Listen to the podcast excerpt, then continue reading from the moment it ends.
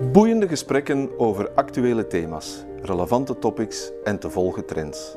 Welkom op de Vlaio podcast waar ondernemers en hun netwerk een stem krijgen, hun plannen vorm en hun ambities een klankbord.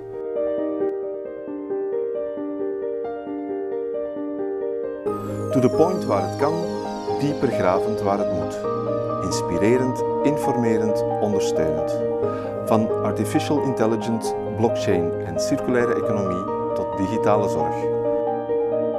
Wij knopen het in jouw oren.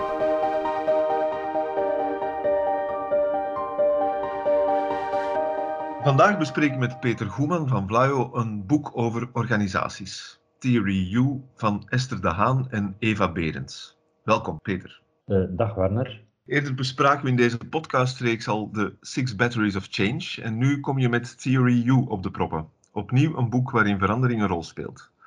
Voor de hand liggende vraag, maar wat is die Theory U precies? Ja, wel, het is eigenlijk een, een, eh, gebaseerd op een uh, stelling van Otto Scharmer en die zegt eigenlijk dat je bij ontwikkelingsprocessen over het algemeen een zichtbaar en een onzichtbaar deel hebt. Het zichtbaar is dat hetgeen we doen, zeggen, zien. Maar daarnaast is ook een stukje onzichtbaar, hè, dat betrekking heeft op het onbewuste, maar dat mede wel bepaalt hoe dat we juist gaan handelen. En Charmer is eigenlijk gaan meer gaan focussen op dat onbewuste om te zien in hoeverre dat we door daarop te focussen gemakkelijker complexe vraagstukken zouden kunnen oplossen. Het is eigenlijk een, een kader dat hij schept heeft uh, om te kijken naar dat soort vraagstukken. Maar het gaat dan echt wel om uh, meer complexe dingen. Hoe kunnen we betere manieren uh, vinden om het minder te belasten? Of rond multiculturele vraagstukken, betaalbare gezondheidszorg. Dus heel breed eigenlijk.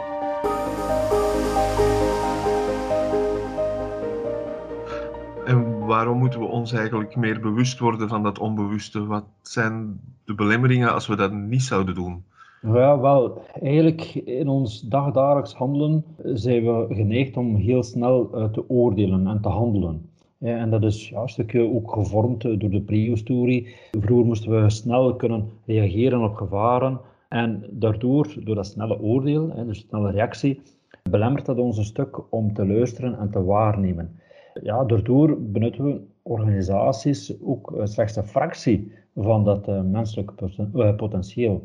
Daarnaast, eh, wat je ook wel merkt, is dat in ontwikkelingsprocessen er vaak wat, wat cynisme aanwezig is. Van ja, eh, mensen vertrouwen het niet en, of, of gaan, gaan er ook wat cynisch mee om. Dat ondermijnt het vertrouwen en de mogelijkheid tot uh, vernieuwing. Ten slotte zijn we ook natuurlijk altijd wel wat angstig. Hè. Dus uh, ja, die, die, nieuwe dingen, we, hebben, we zijn toch wel op een of andere manier bang voor. En opnieuw is dat een stuk belemmering uh, voor verandering. Dus enerzijds snel oordelen, een beetje cynisme dat er is en ook die angst voor vernieuwing. En ja, met die theorie proberen we daar een stukje op in te spelen, die, dat op om te buigen en eigenlijk onze nieuwsgierige kant naar boven toe te brengen en dat snelle oordelen even links te laten liggen. En het is eigenlijk belangrijk om ons te laten raken, ons, ons innerlijke, en op die manier ons in te leven in een verhaal. Ja, en tenslotte moeten we natuurlijk ook wel de, de moed vinden om voorbij die angst te geraken. En wat is de precieze aanpak die Otto Scharmer dan voorstelt? Wel, eigenlijk, dus als je het kijkt van, van, van veraf, hè, dus ik zei het al, dat snelle handelen. Hè, dus vaak vertrekken we dus vanuit een, een, een oude patronen. Uh, dus we stellen iets vast en dat noemt hij downloading. En dan ga je automatisch op basis van jouw historiek in het verleden ga je over tot performing. dus we gaan eigenlijk beroep doen op hetgeen dat, dat we al aangeleerd hebben. Actie-reactie, een ja, beetje. inderdaad, inderdaad, klopt, ja. Maar dus wat dat uh, eigenlijk Charme zegt van ja, maar oh, wacht even, eh, uh, vooraleer van dat vaststellen eh, of dat uh, downloading over te gaan naar performing, laten we even neerdalen naar dat onbewuste verbinding zoeken eigenlijk met dat onbewuste. Dus een stap terugzetten. Je zou het kunnen uh, vergelijken met dat uh, Frans uh, reculer pour mieux sauter. Dus ja. even een stap terugnemen om dan een betere stap vooruit te zetten.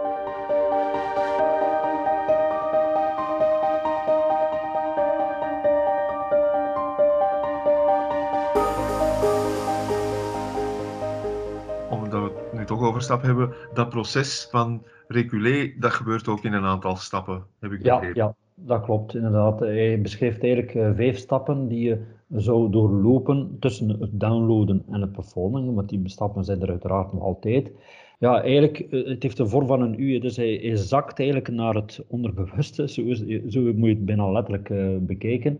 Een eerste stap is ja, echt zien wat er gebeurt. Hè. Zoals ik net zei, dat downloaden, we gaan heel snel zien en, uh, oordelen. Maar dus eerst bekijken, wat gebeurt er precies? Dan dieper gaan contact gaan zoeken met de, je hart eigenlijk, met de bron van intelligentie. En dan pre-sensing, dan zitten we eigenlijk al aan de onderkant van die U, waar je eigenlijk de grootste verbinding hebt met jouw innerlijke. En dan ja, begin je terug omhoog te gaan richting performing. Dan hebben we crystallizing. Daarmee ga je proberen een beeld te vormen van wat de toekomst zou kunnen zijn. Je probeert inzichten en ideeën te halen uit die vorige fase om dan de toekomst te kunnen voorspellen of, of te kunnen bekijken. En dan tenslotte is de prototyping, waar je echt vorm gaat beginnen geven aan die toekomst. Je voelt het ook wel, het is niet iets dat je in 1, 2, 3 doet, dat is niet iets dat je in één sessie kan doen. Gaat uh, vaak over uh, meerdere sessies dat je dit uh, gaat doorlopen, ook met een team, met het proces aan de slag gaat.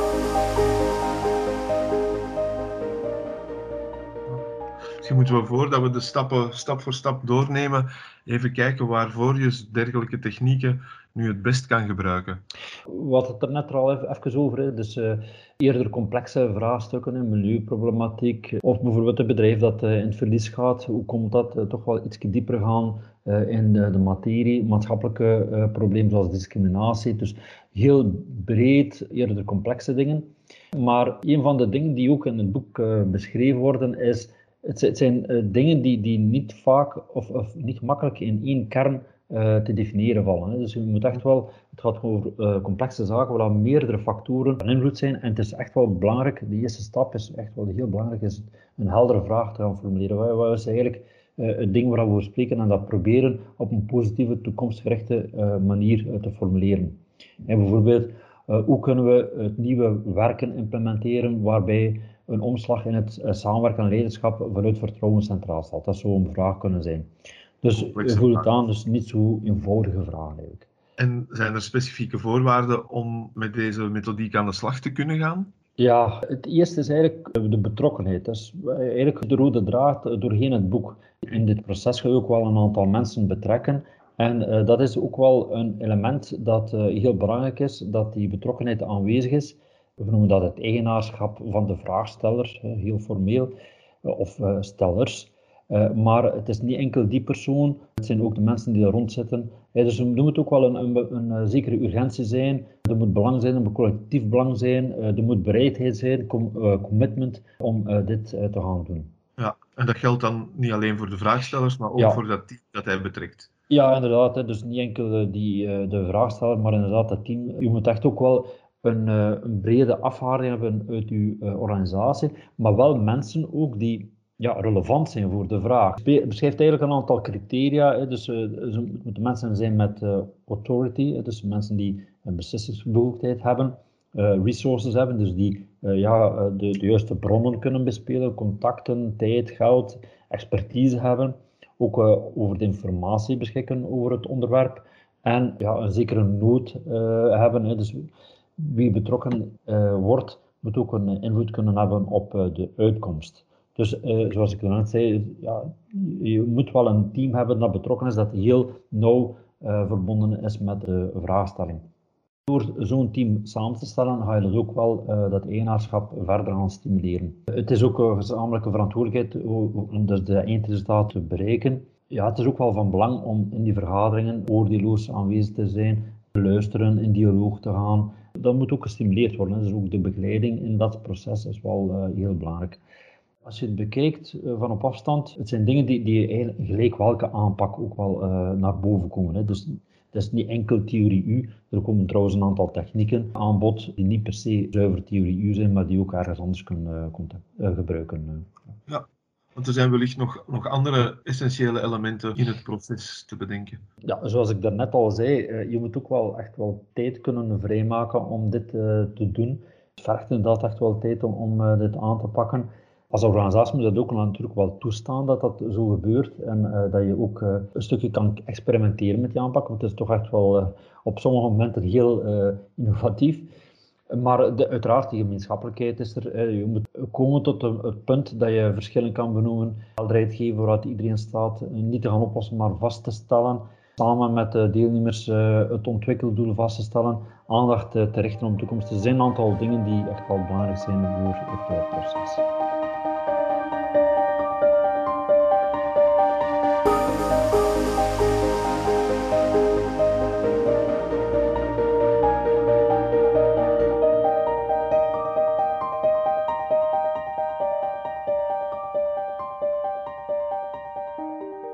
Van de theorie overstappen naar de praktijk. Hoe geven we dat handen en voeten? Hoe pakken we het aan? Uh, er worden dus een aantal zaken besproken in het boek. Dus die community building, aandachtig waarnemen, future search.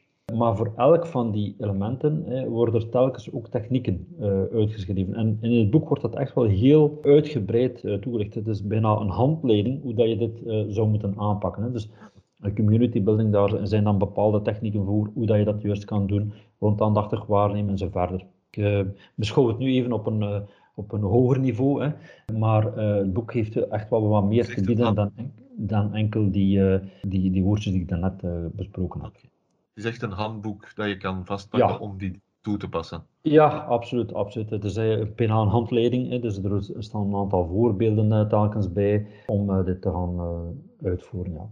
De tweede stap is sensing en daar ging het om contact met de hersenen en hart. Klopt. Zoeken naar die andere bron van intelligentie, dus uw hart eigenlijk.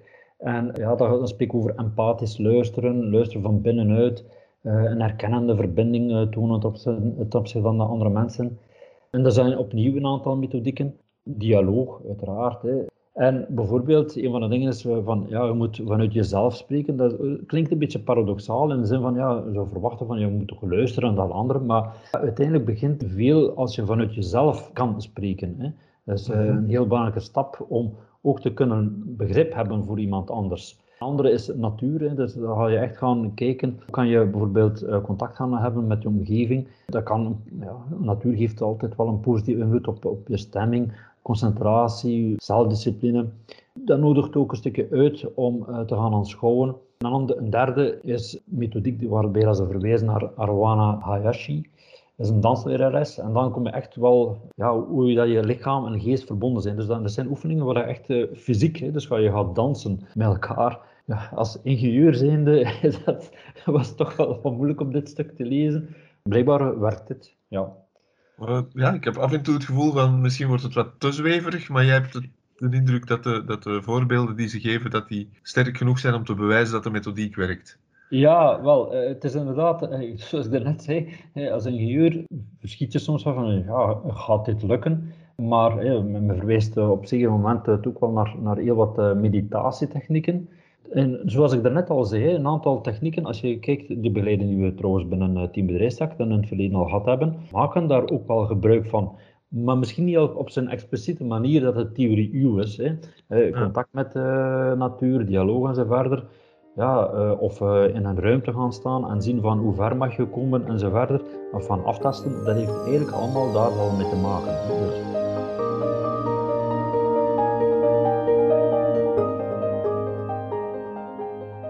Zitten ondertussen aan de onderkant van die U, van de theory U, bij pre-sensing. En dat is eigenlijk een neologisme dat ze gemaakt hebben van sensing en presence. Ja, ja bij pre-sensing verwijzen we naar het volledig aanwezig zijn met het hier en nu. Dus dan zijn we met alle zintuigen, inclusief intuïtie, aanwezig. Ja, dat is eigenlijk de meest, meeste contact met het onbewuste. En daar krijg je, ja, proberen connectie te krijgen met eh, andere kennis uh, dan de gedownloade kennis en gedachten die we hebben. Ja, je komt eigenlijk op een niveau dat je gaat beginnen reflecteren op een aantal essentiële en fundamentele vragen, zoals wie ben ik uh, ten diepste, en wat is mijn missie in mijn leven. Dus dat is heel erg in connectie met het onbewuste.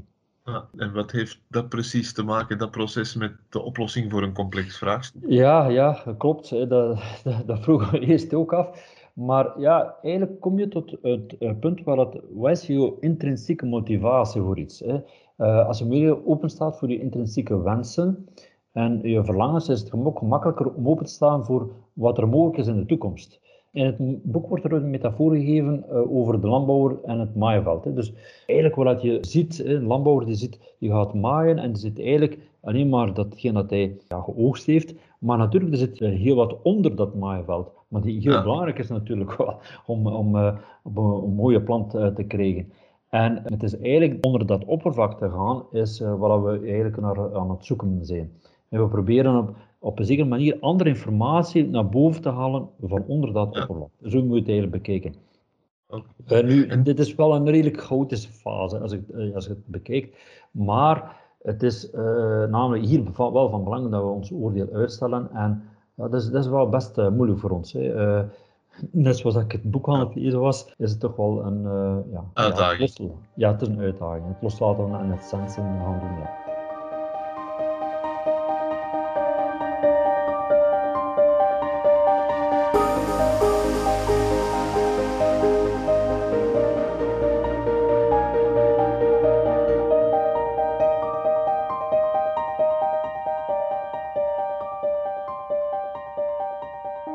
Stellen de schrijvers ook een aantal methodieken voor? Ja, ja klopt. Hè. Dan zitten we echt wel op eh, die meditatietechnieken. Er worden er een viertal beschreven, waar je echt gaat vanuit je dromen gaat beginnen werken. Ja, jij droomt over dit, jij droomt over dat. Van, zijn daar gemeenschappelijke raakpunten? En hoe komt dat dat er gemeenschappelijke raakpunten zijn? Dus op die manier proberen we mensen tot visualisatie te komen. Dan begint je eigenlijk al zachtjes aan uh, richting terug naar boven, hè, naar de bovenkant van de U te werken. En probeer je eigenlijk een soort verlangen te creëren. Die volgende stap is dan de crystallizing. Ja, dus van resensing beginnen we te klimmen naar die performing. En komen we dus tot crystallizing. Dan komen we weer tot iets meer tastbare technieken. Een voorbeeld daarvan is action table uh, en teamcoaching. En dus met Action Table probeer je eigenlijk al eh, te komen tot uh, actieplanning. Dat is eigenlijk trouwens een moeilijk punt bij heel wat bedrijven. Hè. Dus het is gemakkelijk om dingen op te stellen, we moeten dat en dat, dat gaan doen. Maar de implementatie is uh, vaak een probleem. Het blijft, blijft nogal vaak een keer hangen bij een praatstand. En we gaan dit en dat doen, maar als het zover is. En dus met die action table proberen we dat toch wel concreter te maken.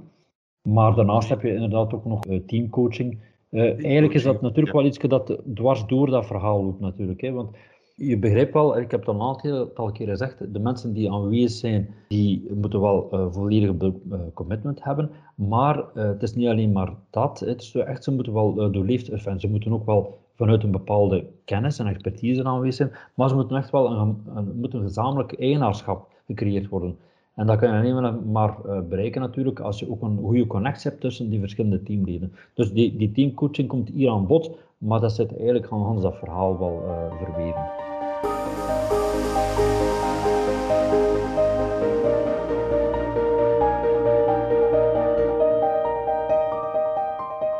Finaal komen we dan bij de laatste stap en dat is prototyping. Dat ja. klinkt al bekend voor ons. Ja, ja dan, dan beginnen we terug uh, naar boven te, te, eh, gaan en uh, richting ja, meer concrete acties uh, te komen. We proberen eigenlijk een, via co-creatie onder andere te gaan kijken van wat kunnen we nu gaan ontwikkelen. Hè? Een creatieve brainstorm is een van de methodieken die daar gebruikt wordt. Vaak blijft het daar ook een stukje hangen bij het maken van projectfiches en die ook een verantwoordelijkheid aangeven en dat oppikken en zo verder. Dus daar wordt ook wel heel wat uh, aandacht aan besteed van, ja maar mensen, het is niet enkel die eerste stap van ideeën creëren, maar ook wel uh, overgaan tot actie.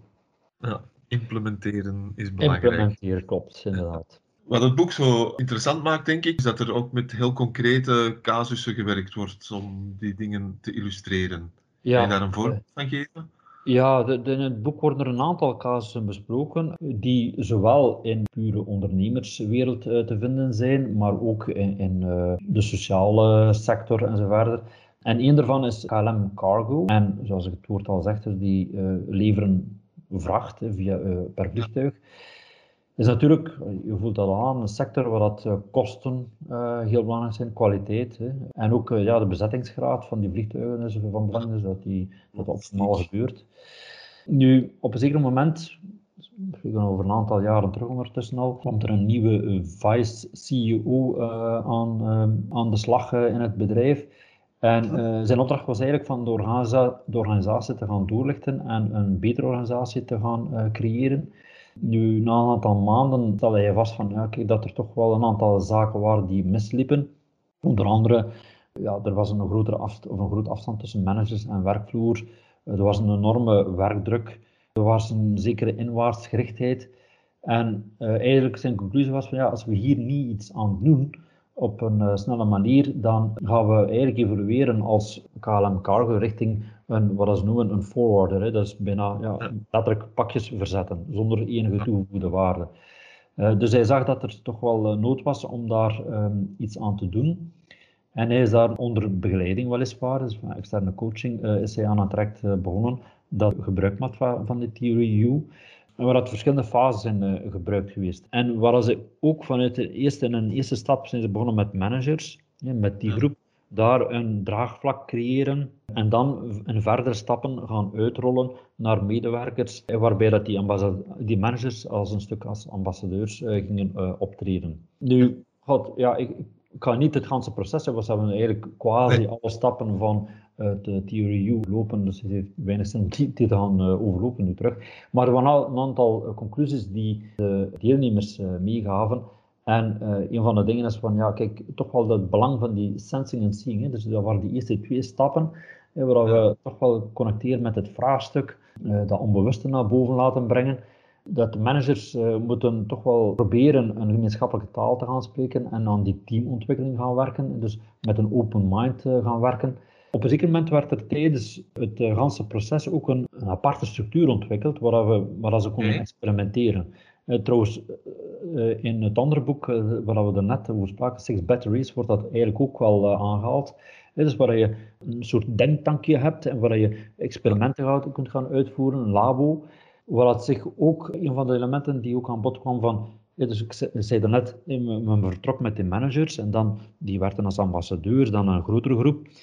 Men creëerde dus eigenlijk een bepaalde nieuwe cultuur hè, binnen die managers, die dan als een olievlek gingen uitbreiden naar een grotere groep medewerkers en op die manier ook verder naar de rest van uh, de organisatie. En dat was ook wel een belangrijke. Ja, de leerervaringen natuurlijk gaan delen. Hè. Ik spreek over die communicatie. En uh, ook tot slot toch wel dat eigenaarschap van zowel die managers, zodat, aangezien dat ze betrokken zijn bij Hans dat proces, is ook wel dat commitment en kom je tot betere resultaten.